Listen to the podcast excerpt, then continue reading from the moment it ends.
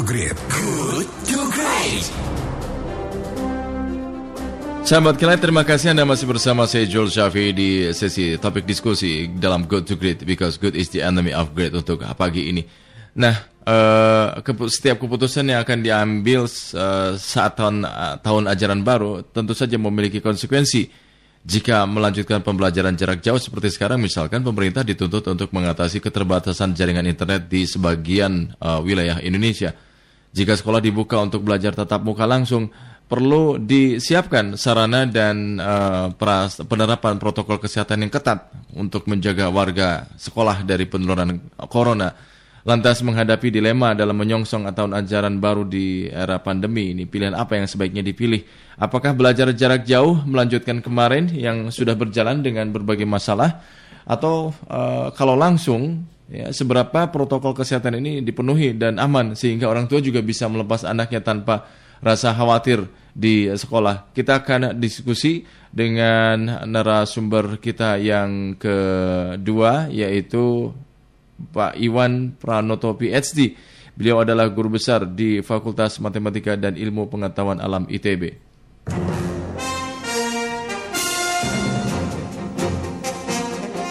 Selamat pagi Pak Iwan. Selamat pagi. Apa kabar Pak Iwan? Baik. Pak Iwan, dunia pendidikan nasional seolah tertatih menghadapi normal baru ini. Keberagaman kondisi eh, sekolah beserta siswa, guru uh, membuat penerapan normal baru tidak bisa disamaratakan. Bagaimana menurut Anda, Pak Iwan? Uh, betul bahwa keberagaman itu uh, akan mempengaruhi, mm -hmm. khususnya terutama uh, pada saat sekarang. Yeah. Uh, ini dunia apa namanya pelajar hmm. itu mempunyai uh, kesempatan belajar yang berbeda-beda. Hmm. Nah, akibatnya akibatnya uh, para anak-anak ini dari keluarga yang berada misalnya itu memiliki kecakapan akademik yang lebih daripada yang lain. Hmm. Nah, keberagaman ini yang harus dipikirkan untuk uh, pembukaan sekolah itu. Hmm. Iya, iya, iya. Nah, ini, ini kan dilema dunia pendidikan menyongsong tahun ajaran baru di pandemi, di era pandemi corona sekarang. Seperti sekarang antara tetap melanjutkan belajar jarak jauh yang kemarin sudah berjalan, dia dengan plus minus ya berbagai masalahnya, atau kalau belajar secara tatap muka, seberapa mampu seluruh sekolah ini menerapkan protokol kesehatan ya sehingga orang tua merasa aman gitu melepaskan anaknya ke sekolah gitu. Anda sendiri pemikirannya bagaimana Pak? Uh, iya itu itu betul itu apa ter, uh, apa namanya untuk protokol kesehatan memang uh, perlu diperhatikan. Namun menurut saya ada yang lebih penting uh, sebetulnya. Apa itu? Bahwa anak-anak ini uh, kehilangan kesempatan interaksi sosial ya dengan sesama temannya hmm. selama ini. Kalau nah, secara daring? Bukan selama ini uh, ya dan ada yang pakai daring berhasil tapi sebagian besar tidak terjamah dengan daring juga. Hmm. Hmm. Nah, anak-anak ini mengalami stres. Hmm ini yang harus dipikirkan sebetulnya. Pembukaan sekolah itu yang pertama tujuannya sebenarnya untuk mengurangi stres itu. Oke. Okay. Pengalaman yang di ini di rumah ini mereka tidak uh, anu ya uh, dengan keadaan dengan keadaan protokol kesehatan di mana-mana mencekam hmm. itu bagi mereka sesuatu yang uh, seumur hidup baru pertama kali dirasakan ya. Mm-hmm. Yeah, yeah, nah, yeah. untuk itu jadi menurut saya eh, sekolah ke depan jika dibuka itu harus bermain. Oke. Okay. Harus eh, syarat dengan kegiatan bermain untuk eh, mengurangi eh, tingkat stres yang mereka eh, alami hari ini. Hmm. Artinya sekolah ketika masuk uh, harus tatap muka ya sekolah anak harus datang ke sekolah gitu ya secara fisik ya pak uh, yang pasti blended ya tidak mungkin uh, tatap muka penuh tidak mungkin oke okay.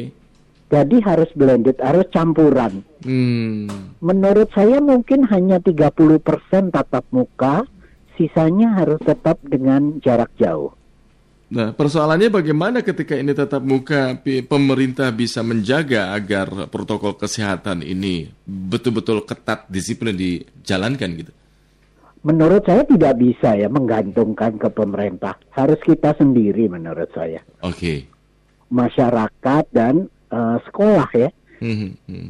Karena percuma ada aturan, ada itu kalau tidak di uh, apa dilaksanakan dengan ketat juga tidak ada gunanya. Hmm, hmm. Hmm. Ya, ya, ya. Berarti orang tua, guru, iya, ya, betul. Itu menjadi iya. mempunyai peran yang sangat penting untuk menjaga protokol kesehatan. Betul, ya. iya. Makanya menurut saya 30% saja tatap muka, menurut saya sudah sudah cukup uh, realistis ya hari ini. Hmm. Ya, karena untuk menghindari uh, dampak negatif terhadap, terhadap psikologis anak ya. Betul. Nah, hmm. yang pertanyaannya sekarang 30% yang tatap muka itu mau diisi apa? Hmm. Gitu ya. Iya, yeah, iya, yeah, yeah. Pertanyaannya apa yang tidak bisa dilakukan lewat uh, jarak jauh?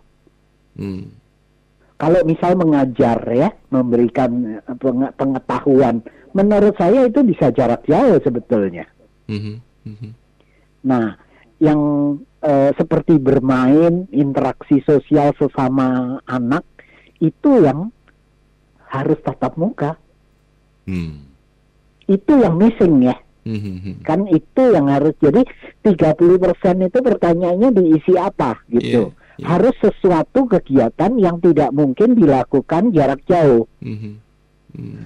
Kenyataannya sekarang banyak uh, kantor-kantor juga mengadakan rapat gitu ya harus yeah. tatap muka tapi ternyata esensinya juga tidak ada yang uh, tidak mungkin dilakukan secara daring yeah, yeah.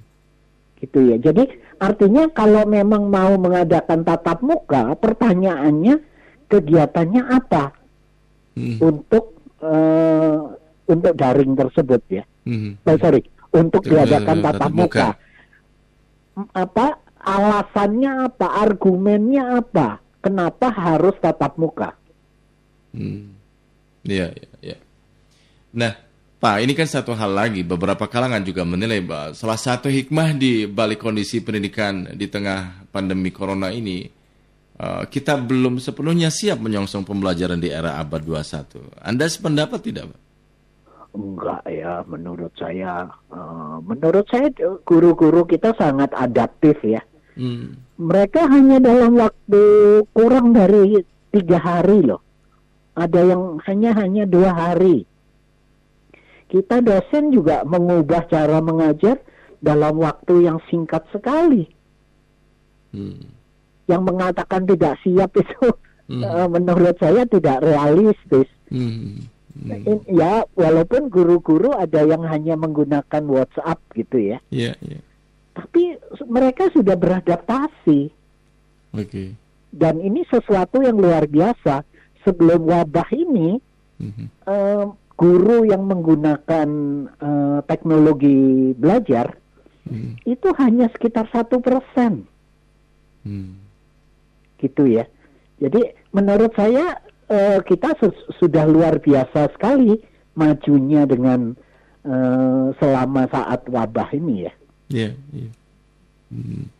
Nah, ini ketika kita berbicara mengenai pembelajaran jarak jauh ya daring, uh, kemudian tadi kalau anda, anda sampaikan bahwa uh, di blend saja 30% tatap muka, sisanya secara daring. Nah, tetapi kita juga dihadapi dengan tantangan bahwa pembelajaran uh, jarak jauh melalui daring ini uh, pertanyaannya adalah merata ataukah tidak akses internet, teknologi dan kemampuan adaptasi guru yeah. upaya apa yang semestinya diperbaiki oleh uh, pemerintah yeah. untuk menjawab pertanyaan-pertanyaan tadi, Pak? Uh, ya, pertama, pertama untuk kita harus bicara infrastruktur internet ya. Memang uh, keadaan sekarang ini kita uh, apa namanya em, melihat secara nyata ketimpangan digital Hmm. antara antara eh, rumah tangga yang punya langganan eh, apa internet ada yang tidak sama sekali ada siswa yang punya ga- gawai ada yang siswa tidak punya gawai Iya. ini kenyataannya. Nah, ini yang eh, harus dibenahi ya. Ini yang ke depan harus dibenahi. Jadi untuk memungkinkan eh, pembelajaran eh, daring maupun luring Mhm. itu harus membutuhkan infrastruktur internet komunikasi. Nah, sekarang ini kita tidak bisa hanya sekedar eh, Kementerian Pendidikan dan Kebudayaan semata harus harus perlu bantuan dari Kementerian Komunikasi dan Informasi. Mhm. Padahal mereka sebelum wabah itu hanya hanya sibuk mengurus sensor, Hmm. ya. Iya. Mereka hanya menyensor apa namanya eh, informasi Konten, ya. tubuh wanita gitu ya. Hmm. Padahal mereka seharusnya tugasnya adalah mempersiapkan infrastruktur komunikasi yang baik. Hmm.